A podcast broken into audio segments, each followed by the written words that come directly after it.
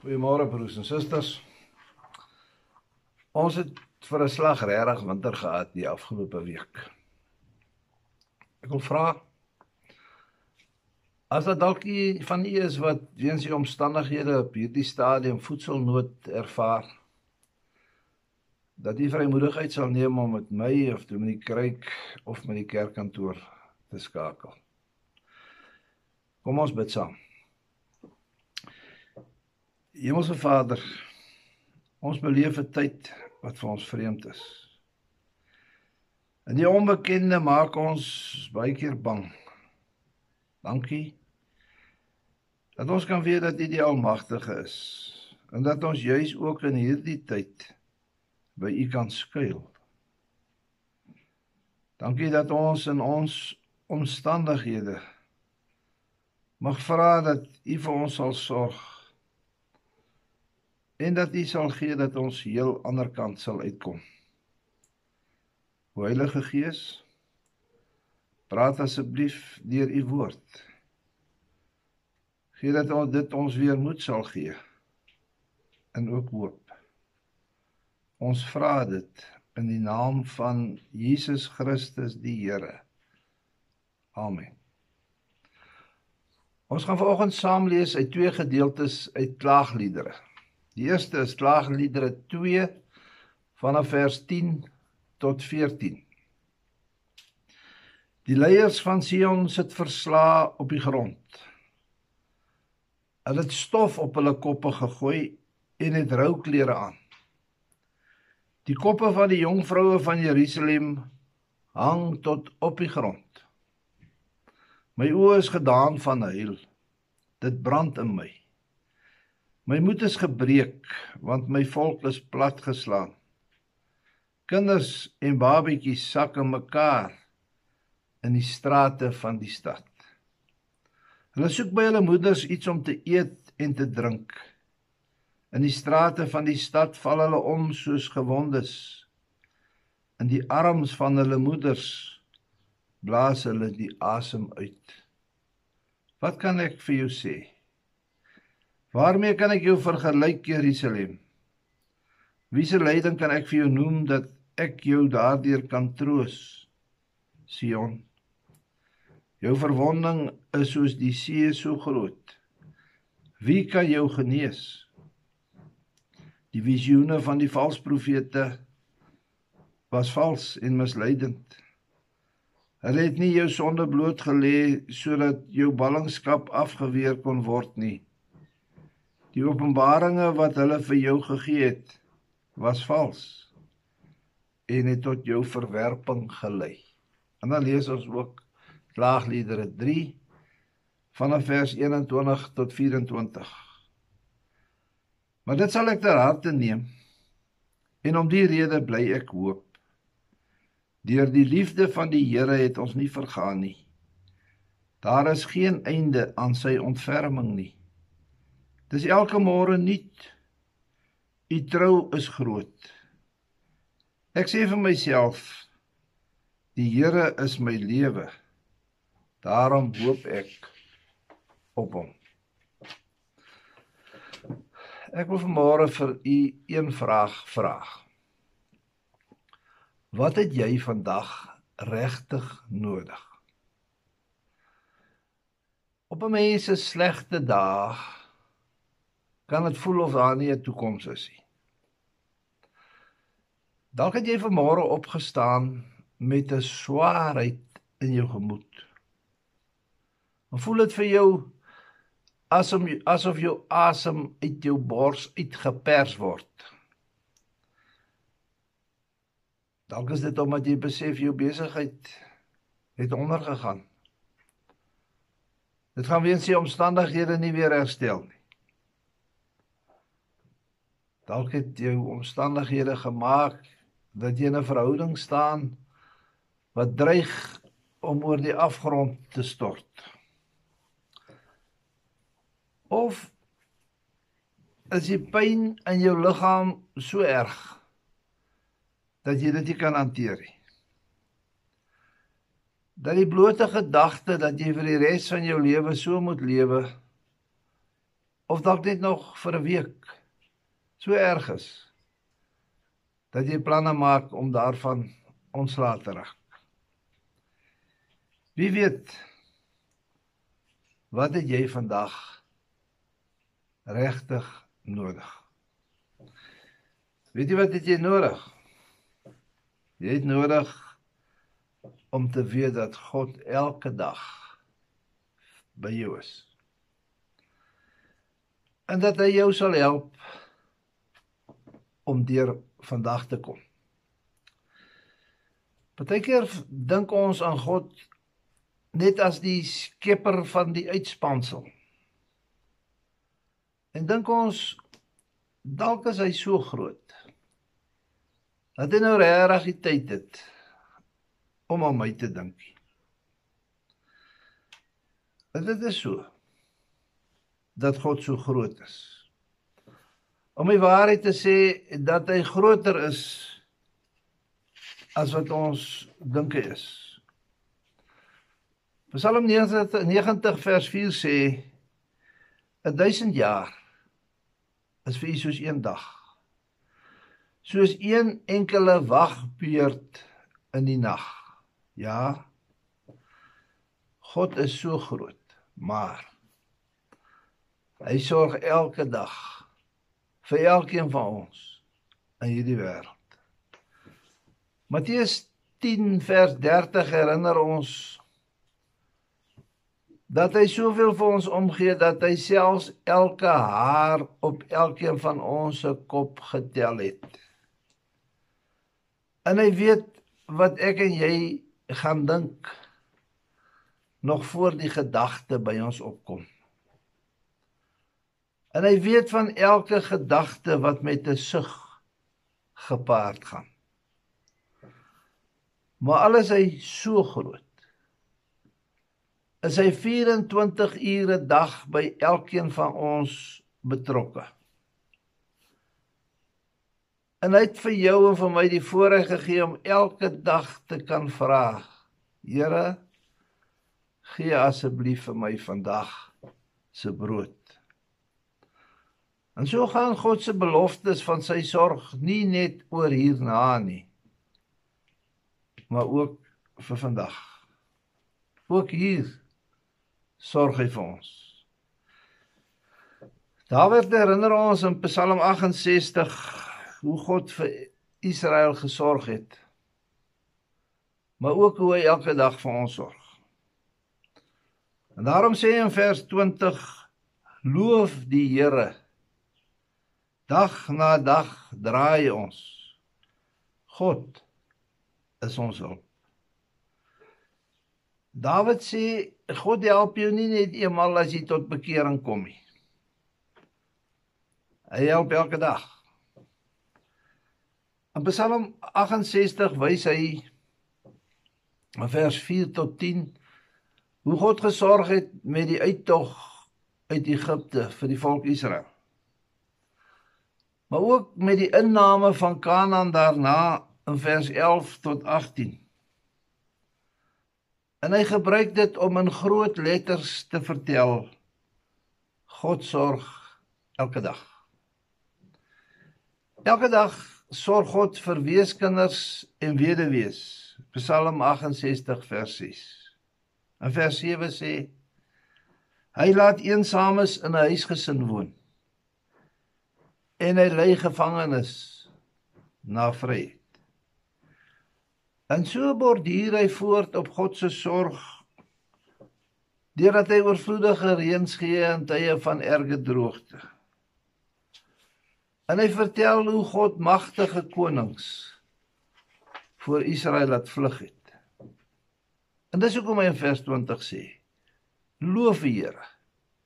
Dag na dag draai ons. God is ons hulp. As jy uittog uit Egipte en jy intog in Kanaan in groot letters vertel van God se sorg. Dan vertel die kruis waaraan Jesus Christus vir ons gehang het van God se sorg in nog groter letters. Hieroor lees ons in Romeine 8 vers 32. Hy, dis God. Het sy eie seun nie gespaar nie, maar hom oorgelewer om ons almal te red. Sal hy ons dan nie al die ander dinge uit genade skenk nie? As Christus ons sondes tot aan die kruis gedra het, sal hy ons vandag ook dra. As God sy seun uit die dood uit opgewek het, sal hy in die woeste waters van hierdie lewe ook ons koppe bo die water hou. In Jesaja 46 vers 4 beloof God so mooi. Hy sê ook tot in julle ouderdom is ek die Here. Tot in julle grysheid sal ek julle dra. Ek het julle gemaak en ek sal julle vashou julle dra en julle red. God sal ons elke dag sy genade laat ervaar. Klaagliedere 3 vers 21 tot 23 sê: Maar dit sal ek ter harte neem. En om die rede bly ek hoop. Deur die liefde van die Here het ons nie vergaan nie. Daar's geen einde aan sy ontferming nie. Dis elke môre nuut. U trou is groot. Ons kan daarin vashou vandag. God gaan nooit ophou om vir my lief te wees nie. God se genade vir my gaan ook nie ophou nie. Elke môre is sy genade weer daar. As mense Hou ons daarvan om mekaar te troos. Maar as jy iemand troos en dit lyk nie of hy troos help nie, dan loop jy maar. Maar God loop nooit van ons af weg nie. Hy bly lief vir ons. Jy weet wanneer ek die woorde hoor, dan kom daar 'n prent by my op van kalmte en vrede sien ek in my gedagtes die son helder opkom bo 'n berg met die strale wat oor 'n meer skyn met die groen bome daar langs aan en die groen gras en voëls wat in die agtergrond sing. Maar Jeremia het die woorde van klaagliedere 3 vers 21 tot 24 teen 'n heel ander agtergrond geskryf Klaagliedere 1 vers 20 skets die werklikheid van mense wat deur 'n swaard afgemaai is. Van huise waarin daar pes heers. Klaagliedere 2 vers 12 vertel van kinders wat by hulle moeders iets soek om te eet. Maar van die honger doodgaan as hulle hulle laaste asem uitblaas in die arms van hulle moeders. Vers 20 Vrouens eet hulle eie kinders. Kinders wat in teerheid versorg is. Priesters en profete word doodgemaak in die heiligdom van die Here. Dit gaan so sleg. Dat Jeremia hoofstuk 2 vers 11 sê My oë is gedaan van huil. Dit brand in my. My moed is gebreek want my volk is platgeslaan. Nou is die vraag. Hoe kon Jeremia wat sulke verwoesting aanskou het dan praat van die genade van God wat altyd weer nuut is? Dis omdat die wrakstukke van ons lewe nie die finale woord het oor die wat hulle hoop op God vestig nie. Wanneer God ons straf oor sonde in ons lewe, is dit genade en nie wraak wat agter alles is nie. Dis hoekom Jeremia in Klaagliedere 3 vers 21 tot 23 in daardie verskriklike omstandighede kon sê: Maar dit sal ek ter harte neem. En om die rede bly ek hoop. Deur die liefde van die Here het ons nie vergaan nie. Daar's geen einde aan sy ontferming nie. Dis elke môre nuut. U trou is groot. Vir ons het die Here God se genade aan die kruis op Golgotha kom bekend maak. In Romeine 5 vers 8. Maar God bewys sy liefde vir ons juis hierin dat Christus vir ons gesterf het toe ons nog sondaars was. Ons faal met ons lewens. Maar God nooit. Ons liefde vervlou dikwels. Maar God se liefde is ewig. Ons hoop hou op Maar God se genade is elke môre weer daar vir ons. En dit sal ons deur die dag dra. God is elke dag by ons. In 2 Korintiërs 4 vers 16 lees ons om hierdie rede word ons nie moedeloos nie. Alles ons uiterlik besig om te vergaan. Innerlik word ons dag vir dag vernuwe. Die meeste van ons sal tevrede wees as God ons maar net deur ons slegte dae sal help. En dat ons daardeur sal kom terwyl ons nog steeds op die Here vertrou. God wil egter hê ons moet besef dat geen dag wat in geloof gelewe is nie, alles dit hoe sleg 'n vermorste dag was nie selfs in die dae van ons wat ons as die slegste ervaar. En dit lyk asof ons uiterlike wegkwyn. Is God se pottebakkerswiel besig om ons te vorm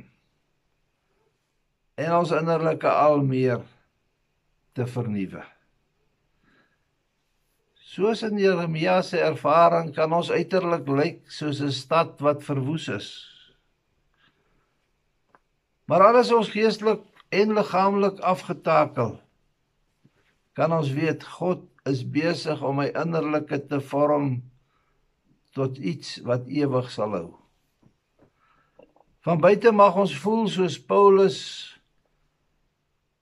in 2 Korintiërs 4 vers 8 tot 9 maar daarby elke keer die stukkie hoop. En alles word ons verdruk. Maar ons is nie te neergedruk nie. Ons is oor raad verleë, maar nie radeloos nie. Ons word vervolg, maar nie deur God verlaat nie. Op die grond neergegooi, maar nie vernietig nie. Hoekom? Want God is altyd by ons in alle omstandighede. Soms sien ons in onsself iets van dit waartoe God ons vorm deur die swaar kry heen. En dan weet ons God is met my besig. Hoe sal 'n mens reageer op die wete dat God nie gaan ophou om vir jou lief te wees nie? Op die wete dat sy genade altyd daar is vir jou. Ek dink ons kan elke môre vir die Here sê: Here, ek is lief vir U. En in die aand dankie sê dat hy ons deur die dag gebring het. Onthou ek het aan die begin gevra wat het jy regtig nodig? Ek dink die gedeelte sê wat jy in alle omstandighede nodig het is die wete God is lief vir my. En die vrede Hy sal vir my sorg ook deur swaar kry. Amen. Kom ons bid saam. Hemelse Vader, dankie dat ons vandag die vrede kan hê dat U lief is vir ons. En dat ons mag weet U gaan nooit ophou om vir ons lief te wees nie. Dankie dat ons kan weet U sal vir ons sorg ook deur swaar kry heen. Heilige Gees, help ons om vir God lief te wees. En ook vir ons naaste. Ons vra dit in die naam van Jesus Christus die Here. Amen. Jy moet 'n mooi week hê.